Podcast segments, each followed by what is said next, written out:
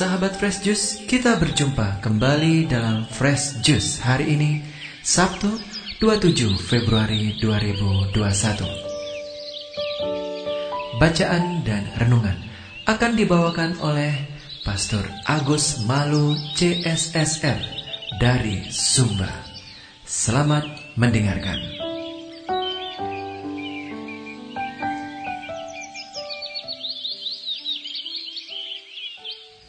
Selamat berjumpa kembali Bapak Ibu Saudara-saudari umat beriman di mana pun Anda berada. Para pendengar setia Daily Fresh Juice dan Mutiara Pagi yang selalu diberkati Tuhan Selamat berjumpa sekaligus selamat berakhir pekan untuk Anda dan keluarga. Semoga pada akhir pekan ini Bapak Ibu Saudara-saudari boleh menikmati kebersamaan Menikmati quality time bersama dengan keluarga, tetapi jangan lupa tetap memperhatikan protokol kesehatan.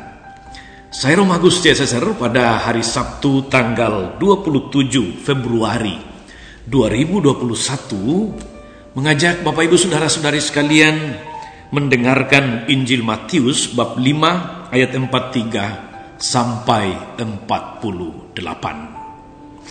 Dalam nama Bapa dan Putra dan Roh Kudus. Amin. Dalam khotbah di bukit, Yesus berkata kepada murid-muridnya, Kamu telah mendengar firman, Kasihilah sesamamu manusia dan bencilah musuhmu. Tetapi aku berkata kepadamu, Kasihilah musuh-musuhmu dan berdoalah bagi mereka yang menganiaya kamu karena dengan demikian kamu menjadi anak-anak Bapamu yang di surga. Sebab ia membuat mataharinya terbit bagi orang-orang jahat dan juga bagi orang-orang yang baik. Hujan pun diturunkannya bagi orang yang benar dan juga orang yang tidak benar. Apabila kamu mengasihi orang yang mengasihi kamu, apakah upahmu? Bukankah pemungut cukai juga berbuat demikian? Dan apabila kamu hanya memberi salam kepada saudara-saudaramu saja, apakah lebihnya daripada perbuatan orang lain? Bukankah orang yang tidak mengenal Allah pun berbuat demikian? Karena itu, haruslah kamu sempurna, sebagaimana Bapamu yang di surga sempurna adanya. Demikianlah Injil Tuhan. Bapak Ibu, saudari-saudara, umat beriman terkasih dalam Tuhan, pendengar setia Daily Fresh Juice dan Mutiara Pagi di mana pun Anda berada, kita mendengarkan sabda yang kalau boleh saya bilang ini bagian terindah dari sabda Tuhan yang pernah keluar dari mulut Tuhan Yesus sendiri. Dalam seluruh bagian khotbah di bukit memang isinya kurang lebih membolak-balikan pemahaman lama dan pemahaman baru karena kehadiran Yesus. Sebagaimana juga kita dengarkan dalam bagian Injil hari ini. Bagaimana mungkin saudara-saudari musuh dikasihi? Bukankah musuh itu harus dilawan? Bukankah musuh itu harus dihukum? Bukankah musuh itu harus dibalas? Bukankah musuh harus dikalahkan? Itu yang sering terjadi dalam pengalaman hidup kita. Karena itulah saudari-saudara sering kali keluar kalimat-kalimat ini di dalam uh, perjumpaan, di dalam relasi, di dalam komunikasi dengan sesama. Sampai kapan pun aku tidak akan mengampuni dia. Tiada maaf untukmu, tiada ampun bagimu. Sabar itu ada batasnya. Sakit hatiku kau buat begitu. Ingat sebuah lagu beberapa tahun lalu yang bunyinya sakit jatuh di sini. Bapak Ibu pasti punya pengalaman disakiti, dirugikan, dibuat sakit, dibuat menderita entah oleh siapa pun. kecil ataupun besar. Kita pasti pernah mengalami itu. Karena itu firman Tuhan hari ini yang saya katakan tadi bagian terindah dari sabda Yesus dalam bagian khotbah di atas bukit menjadi sebuah permenungan sekaligus peneguhan untuk pengalaman-pengalaman kita. Apalagi saudara-saudari, kita berada dalam masa tobat, masa untuk membaharui diri, masa untuk berintrospeksi, masa untuk berbenah hati di hadapan Tuhan. Tepat sekali soal pengampunan selalu berkaitan dengan pertobatan. Dan soal pengampunan selalu juga berarti berbicara tentang kualitas kasih, kualitas cinta di dalam diri kita. Saudari-saudara, umat beriman terkasih dalam Tuhan, jangan pernah mengatakan bahwa kita adalah orang Katolik yang baik kalau kita mampu bergaul dengan orang yang baik-baik saja. Jangan pernah mengaku diri sebagai orang Katolik yang baik kalau belum pernah mengampuni musuh. Jangan pernah mengaku sebagai orang Katolik yang benar kalau belum pernah merasa harus menyangkal diri mengalahkan diri sendiri untuk memberikan maaf kepada orang yang pernah menyakiti, yang pernah mungkin menyusahkan, merugikan kita.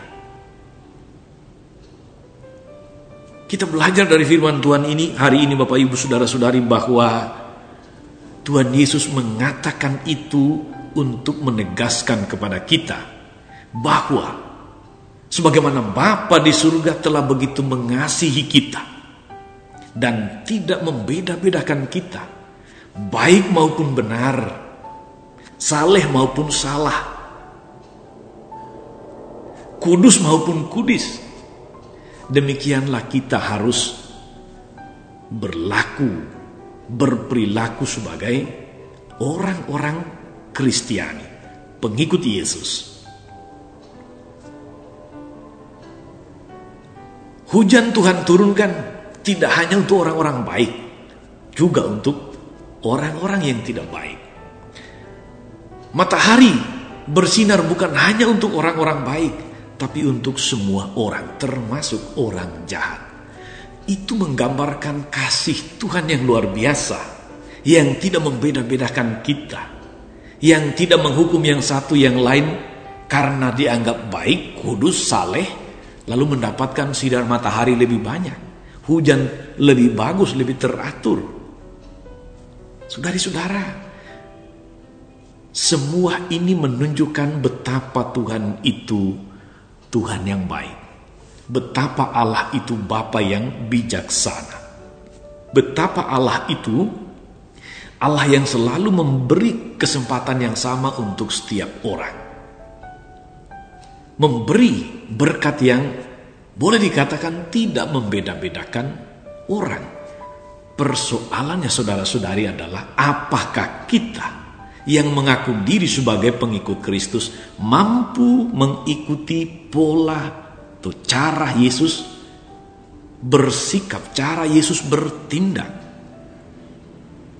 Ini bagian pertanyaan permenungan untuk masing-masing kita. Mampukah kita menjadi seperti Yesus? Di bagian akhir Injil hari ini Tuhan Yesus mengatakan, Hendaklah kamu sempurna seperti Bapamu di surga adalah sempurna.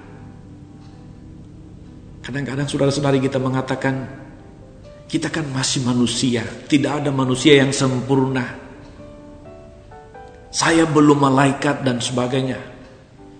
Karena itu kesabaran saya masih terbatas. Saudari-saudara ingatlah Tuhan tidak pernah memberi batas itu. Kitalah yang menentukan batas itu. Dan hari ini Tuhan Yesus ingin kita berubah. Kita dengar kata-katanya, kita laksanakan dalam hidup kita. Jangan merasa sudah baik kalau tidak berbuat, berbuat jahat. Jangan merasa sudah orang baik kalau tidak membalas kejahatan dengan kejahatan, itu belum cukup. Untuk orang yang menyakiti Tuhan Yesus mengatakan, doakan dia. Untuk orang yang merugikan, balaslah dia dengan kebaikan. Karena itu saudara-saudari, saya lalu ingat akan sebuah kalimat yang bagus sekali yang mengatakan entah siapa yang katakan itu saya lupa, tetapi kalimatnya seperti ini. Balas dendam terbaik adalah mengampuni. Cara membalas dendam terbaik adalah dengan mengampuni. Saudari-saudara, kalimat ini syarat makna bahwa kalau kita memang ingin membalas dendam, balaslah dendammu dengan memberikan pengampunan. Itu bukan hanya menyembuhkan dia, tapi juga menyembuhkan diri kita sendiri. Itu bukan menyangkut bahwa dia pantas dikasihani, tapi itu memperlihatkan kualitas diri kita, kualitas kasih yang ada dalam diri kita. Saudari-saudara, dunia menjadi lebih baik kalau hukum cinta kasih ini sungguh merajai hati setiap orang. Hidup bersama menjadi lebih baik kalau hukum cinta kasih ini mampu kita terapkan dalam seluruh hidup kita, sehingga dunia ini akan menjadi lebih baik, sehingga bumi sebagai rumah bersama ini akan kita huni sebagai rumah bersama seluruh makhluk hidup, termasuk di dalamnya manusia. Moga-moga saudari-saudara berangkat dari firman Tuhan dan permenungan hari ini kita semakin diantar untuk memiliki kualitas kasih yang bersumber dari iman Kristiani kita. Kita mengasihi karena itu menyangkut kualitas diri kita, kualitas iman kita. Dan jangan lupa, balas dendam terbaik adalah dengan mengampuni. Selamat berbuat baik hari ini, selamat mengasihi selamat memberikan pengampunan, salam 52. Tuhan Yesus memberkati, Maria Bunda selalu menolong, setia mendoakan kita semua. Amin. Marilah berdoa.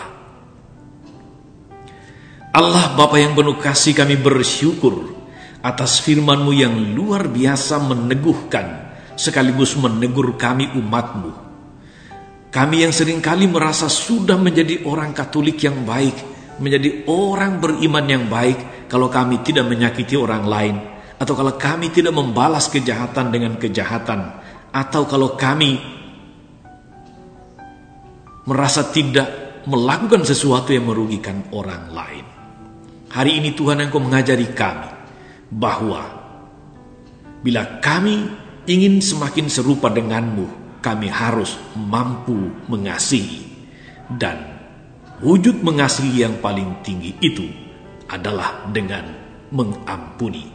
Engkau telah memberi kami juga teladan di kayu salib ketika engkau mengampuni mereka yang menyalibkan. Bapa, ampunilah mereka sebab mereka tidak tahu apa yang mereka perbuat. Anugerahkanlah kekuatan iman kepada kami Kuatkan kami dengan kuasa roh kudusmu, agar kami mampu menjalani hidup ini.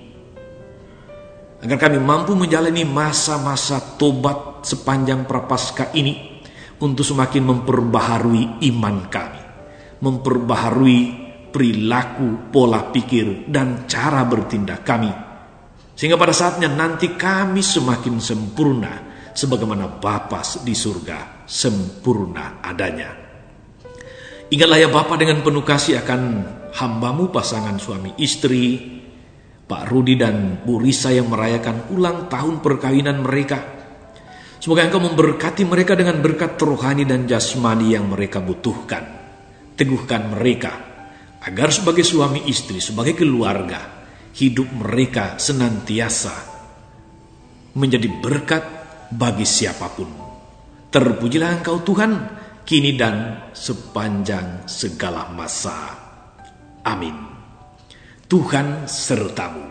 Semoga saudari-saudara sekalian, mereka yang kita doakan atau kita janjikan doa, mereka yang sakit dan menderita, segala rencana, karya, dan pelayanan kita sepanjang hari ini, Bapa dan Putra dan Roh Kudus Amin.